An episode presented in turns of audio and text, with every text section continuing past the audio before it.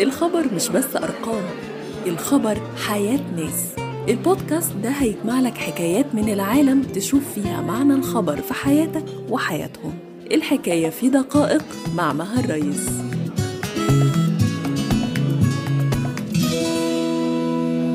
بودكاست دقائق.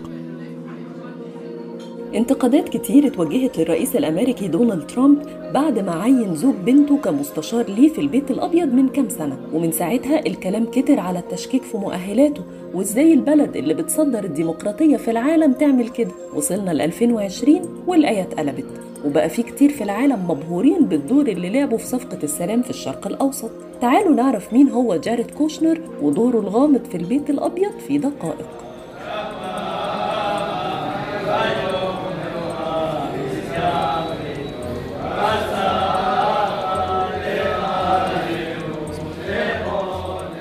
اتولد جاريد كوشنر لأسرة يهودية كاثوليكية ملتزمة في نيو جيرسي الأمريكية سنة 1981 والده كان بيشتغل في التطوير العقاري وتربى هو وإخواته تربية تقليدية جدا. في سنة 99 حصل على بكالوريوس في الإدارة الحكومية من جامعة هارفارد وبعدها على طول عمل ماجستير في إدارة الأعمال في جامعة نيويورك.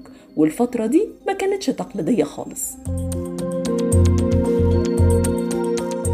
وجارد لسه بيدرس في الجامعة كان بيتدرب في مكتب محاماة في مانهاتن لأنه كان نفسه يبقى محامي وكان بيساعد والده في بيع وشراء العقارات والأراضي. وبسبب شطارته في المجال ده جمع حوالي 20 مليون دولار واشترى صحيفة ذا نيويورك أوبزرفر ب 10 مليون دولار. طبعا شعبية الصحيفة قلت لما اشتراها بسبب قلة خبرته الصحفية لكن حققت أرباح كويسة. لحد ما ظرف عائلي غير اهتماماته تاني.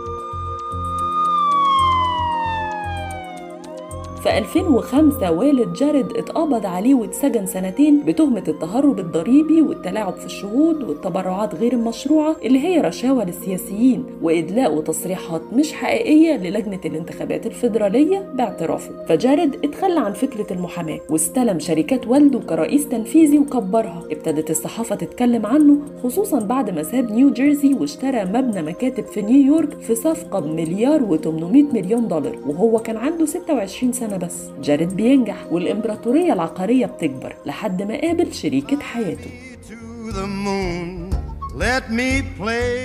في 2007 جارد قابل إيفانكا بنت دونالد ترامب الكبيرة في حفلة غدا محدش عارف بالصدفة ولا مدبرة المهم إن هم حبوا بعض وابتدوا يتواعدوا. بعدها بسنة انفصلوا بسبب اختلاف الديانة لكن حبهم كان أكبر من كده. إيفانكا اتحولت من الديانة المسيحية لليهودية واتجوزوا في 2009 وكانت الجوازة دي وش السعد عليه في 2014 استحوذ على أكثر من 11 ألف وحدة عقارية في نيويورك ونيو جيرسي وبالتيمور ومناطق تانية. وفي 2015 اشترى نص مبنى تايم سكوير ب 295 مليون دولار. وفي نفس السنة كان حماه ابتدى يعلن نيته الترشح لرئاسة أمريكا وجارد لقى لنفسه شغلانة جديدة. I am officially running for President of the United States and we are going to make our country great again.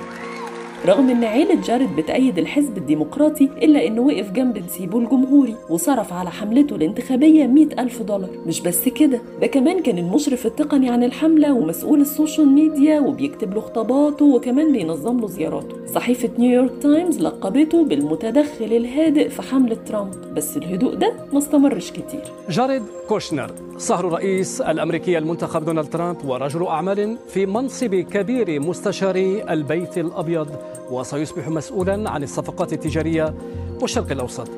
بعد ما ترامب تولى الرئاسة عين جارد مستشار ليه وكان بيظهر كتير معاه في زياراته الرسمية. مجلة تايم الأمريكية اختارته ضمن قائمة أكثر 100 شخصية مؤثرة في 2017 وابتدى الرأي العام ينتقد ترامب عشان معين معاه قريبه وهو كل خبرته في التطوير العقاري. لكن الحقيقة كانت غير كده خالص.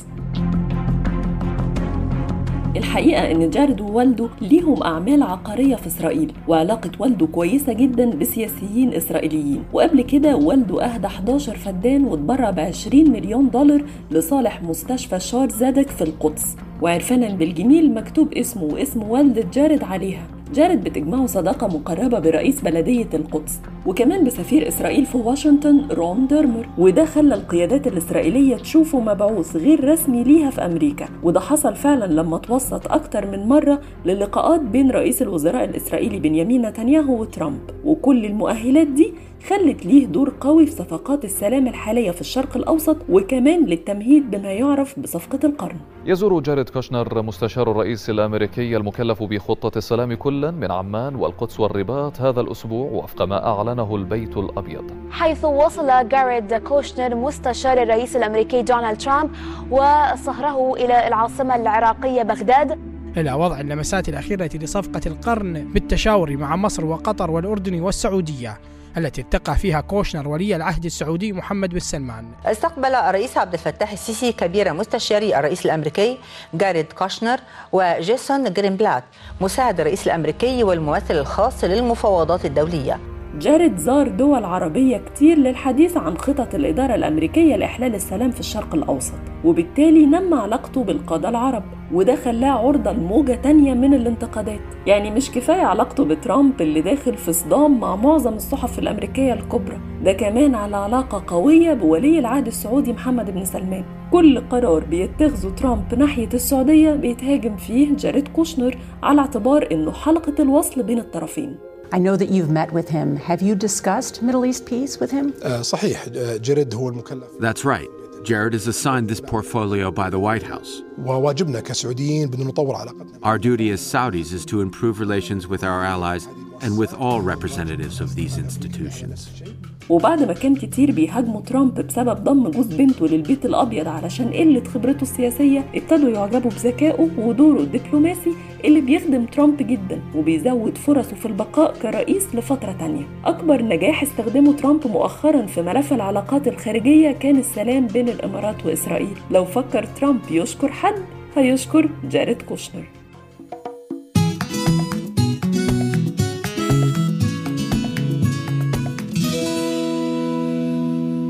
بودكاست دقائق.